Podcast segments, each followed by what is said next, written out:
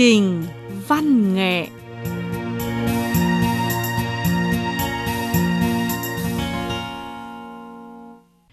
Chào mừng quý vị và các bạn đến với chương trình văn nghệ cuối tuần trên sóng và trên mạng Đài Phát thanh Quốc tế Trung Quốc. Chương trình hôm nay do Ngọc Ánh thực hiện.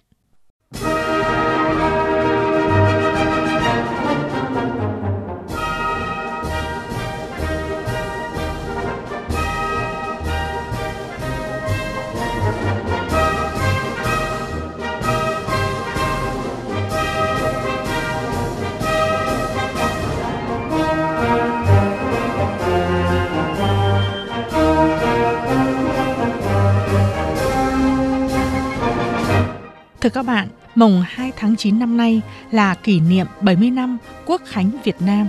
Tại Hà Nội đã tổ chức lễ diễu binh và diễu hành quy mô chào mừng đất nước chọn niềm vui. Từ Bắc Kinh, Ngọc Ánh xin thay mặt Ban tính Việt Nam, Đài Phát thanh Quốc tế Trung Quốc chúc đất nước Việt Nam từ nay ngày càng trở nên phồn vinh thịnh vượng, đời sống nhân dân ngày một sung túc, hạnh phúc.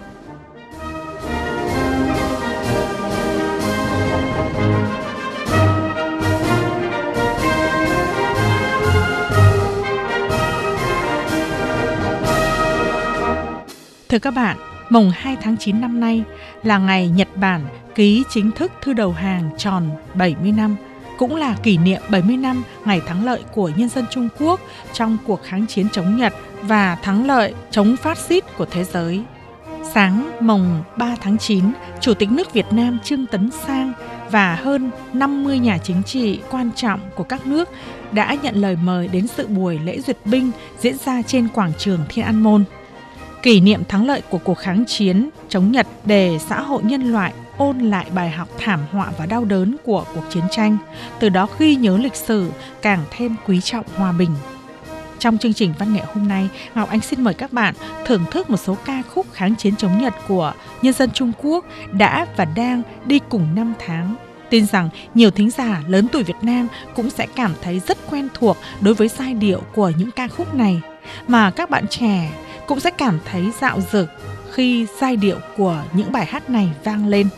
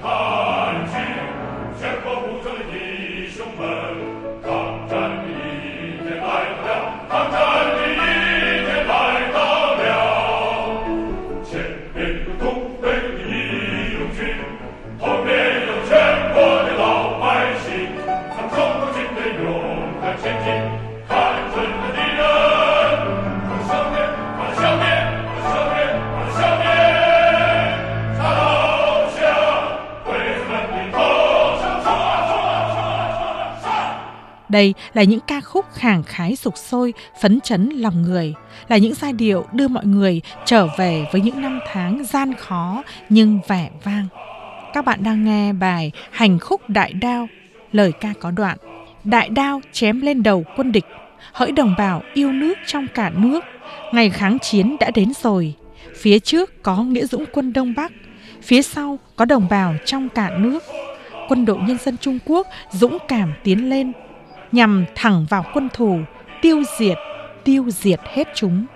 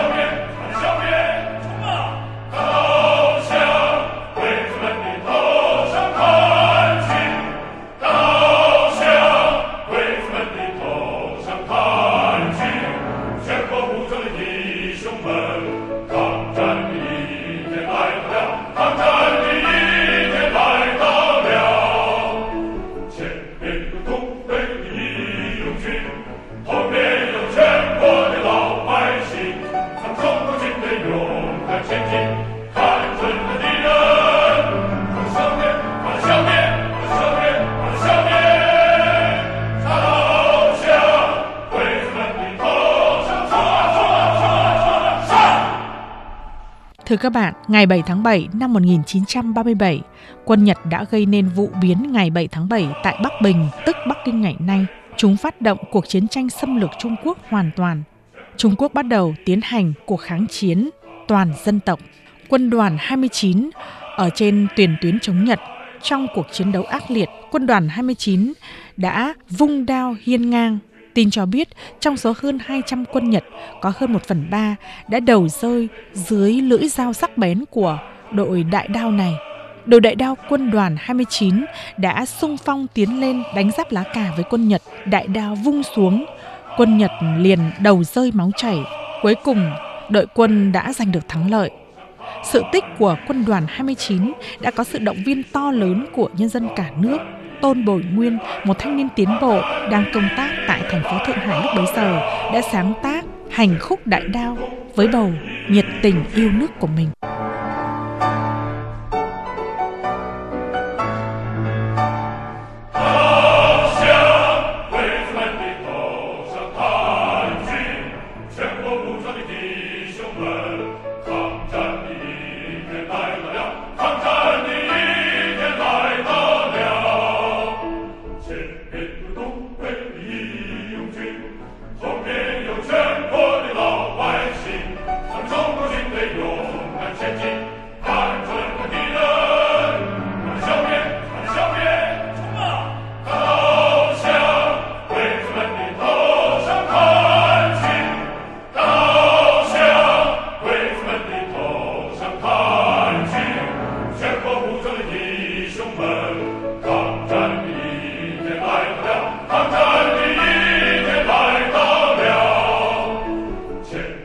tum per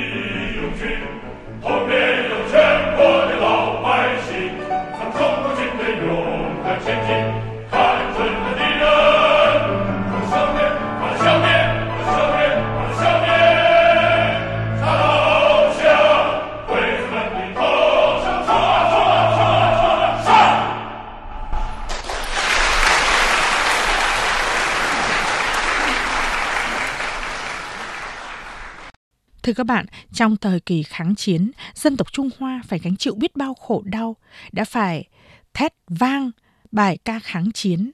Biết bao bài ca chiến khu bất hủ đã ra đời trong thời kỳ này. Đây là những tiếng kèn sung phong vang dội khắp đất nước, là tiếng trống thôi thúc ra trận chiến đấu, đã khích lệ muôn vàn người con Trung Hoa quyết chiến đấu đến cùng với quân Nhật xâm lược. Cho đến tận ngày nay, mỗi khi nghe lại những bài ca chiến đấu năm xưa, bầu nhiệt huyết vẫn trào dâng trong lòng mọi người.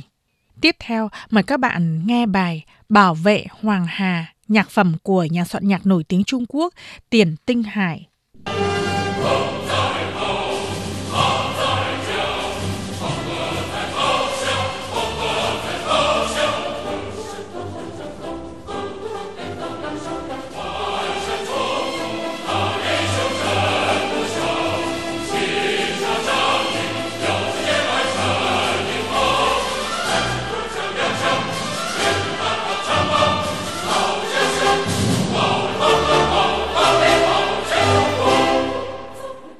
Thưa các bạn, tháng 11 năm 1938, sau khi thành phố Vũ Hán bị Nhật chiếm đóng, nhà thơ Quang Vị Nhiên từ Hồ Khẩu, tỉnh Thiểm Tây vượt qua Hoàng Hà.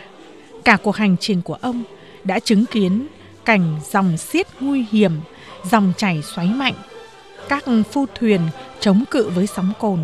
Ông đã lắng nghe tiếng tù và ngân dài và sâu lắng của phu thuyền. Năm 1939, sau khi trở lại Diên An, nhà thơ Quang Vị Nhiên đã sáng tác bài thơ mang tên Hoàng Hà Ngâm. Sau khi nghe bài thơ này, nhạc sĩ Tiền Tinh Hải cũng đang ở Diên An, liền nảy sinh linh cảm. Thế là ông liền bắt tay vào việc sáng tác bản Đại hợp sướng Hoàng Hà. Đây là một tuyệt tác thiên cổ. Bài Bảo vệ Hoàng Hà là ca khúc thứ bảy trong bản hợp xướng này. Không bao lâu, bản Đại hợp sướng Hoàng Hà liền được truyền đi khắp đất nước Trung Hoa.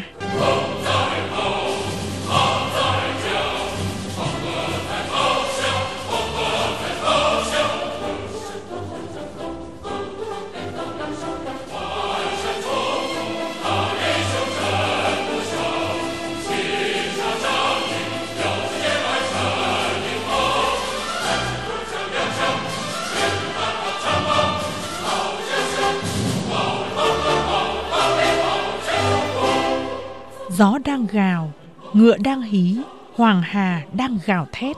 Muôn núi rừng sâu, anh hùng chống Nhật nhiều vô kể. Trong ruộng cao lương, đội quân du kích rất anh hùng. Cầm súng nhà súng Tây, vung đao múa kiếm. Bảo vệ quê hương, bảo vệ Hoàng Hà, bảo vệ Hoa Bắc, bảo vệ toàn Trung Hoa. Lúc bấy giờ, vô số tướng sĩ và các học sinh yêu nước vừa cất cao giọng hát Gió đang gào, ngựa đang hí, rồi tiến thân ra chiến trường chống quân xâm lược Nhật. 但是，中华民族的儿女呀，谁愿像猪羊一般任人宰割？我们要抱定必胜的决心，保卫黄河，保卫华北，保卫全中国。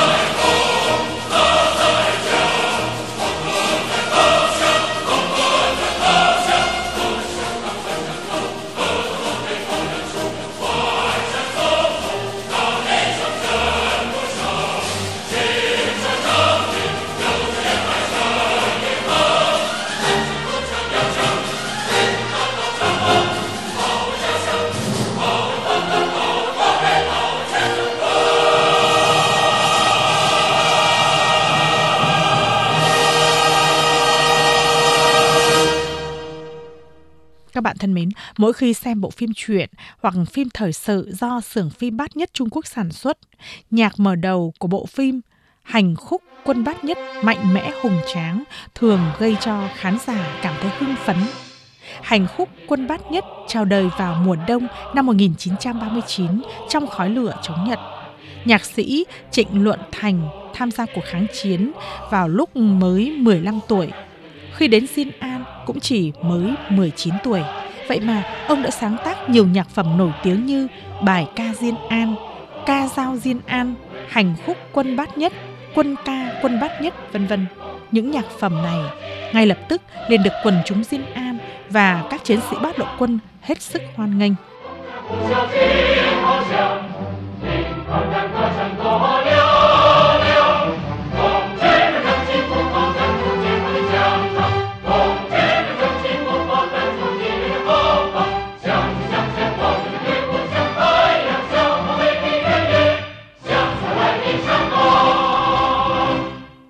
Bài Hành khúc quân bát nhất đã tập trung thể hiện hình ảnh oai phong lẫm liệt và sức mạnh đi về phía trước của đội quân bát nhất.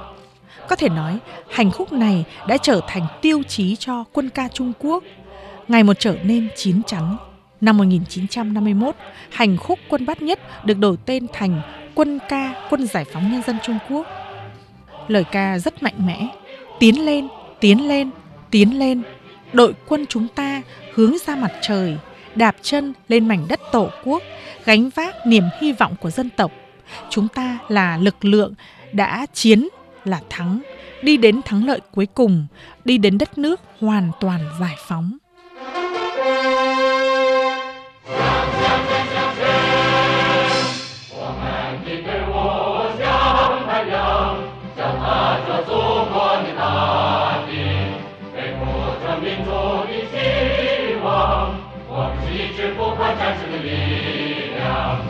我们是山川的健儿，我们是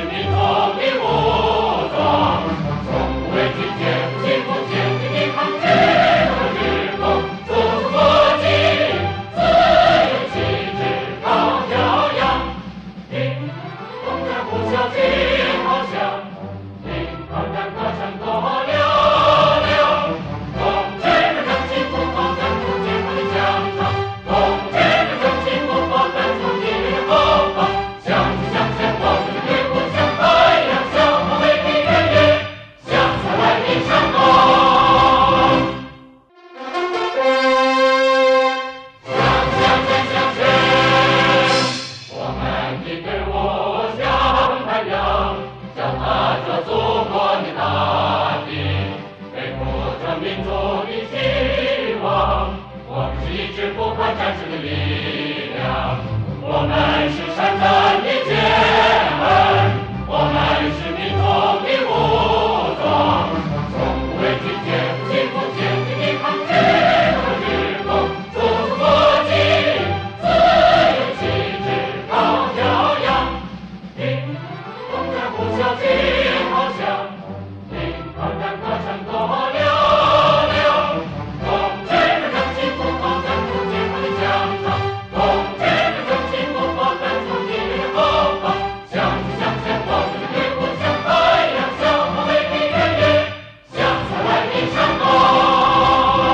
Như các bạn đều biết, nguồn âm nhạc thường đến từ đời sống. Cuộc kháng chiến chống Nhật sục sôi của dân tộc Trung Hoa đã chút lên sức sống và sức chiến đấu bất diệt cho các bài ca kháng chiến chống Nhật của dân tộc Trung Hoa. Những bài ca chống Nhật là một phần của bức tranh kháng chiến hoành tráng của Trung Quốc, là của cải tinh thần đời đời kế thừa của dân tộc bất khuất. Sau đây, mời các bạn nghe ca khúc Đoàn kết là sức mạnh Mùa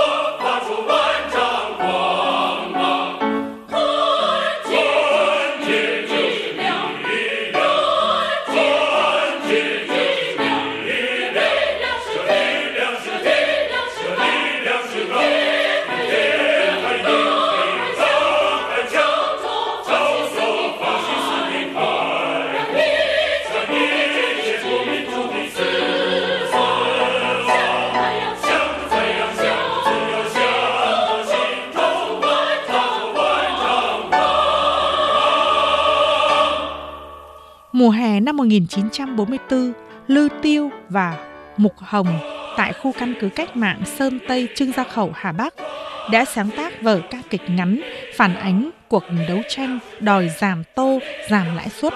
Đoàn kết là sức mạnh chính là bài hát cuối cùng của vở ca kịch này.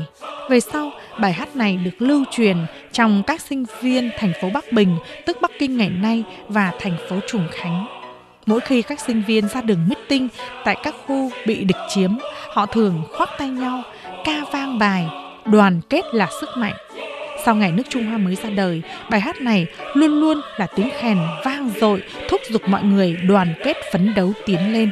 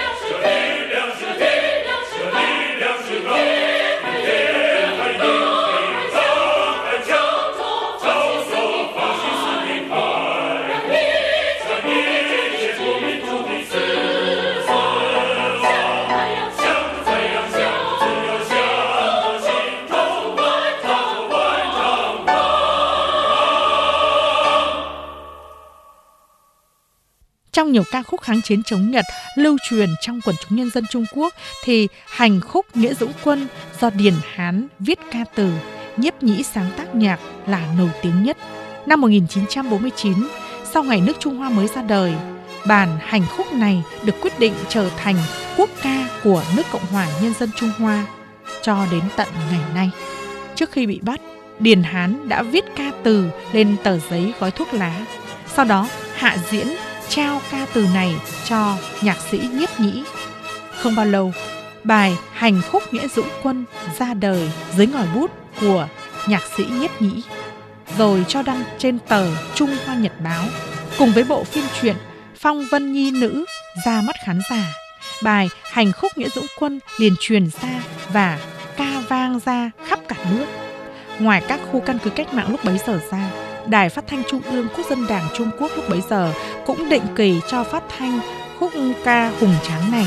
Trong những năm 40 của thế kỷ 20, nghệ sĩ nổi tiếng người da đen Mỹ Robertson sau khi trình bày hành khúc Nghĩa Dũng Quân, tiếng tăm của ông đã vang ra khắp nước Mỹ rồi vang sang cả nước Anh, Pháp, Ấn Độ. Đài phát thanh các nước Nam Thái Bình Dương thường xuyên cho phát bài hành khúc này. Về sau, Mỹ đã cho phát thanh bài hành khúc Nghĩa Dũng Quân cùng với bài American tươi đẹp của Mỹ và khúc nhạc Marcel của Pháp vào chương trình phát thanh ca khúc trong ngày thắng lợi của các nước đồng minh lúc bấy giờ.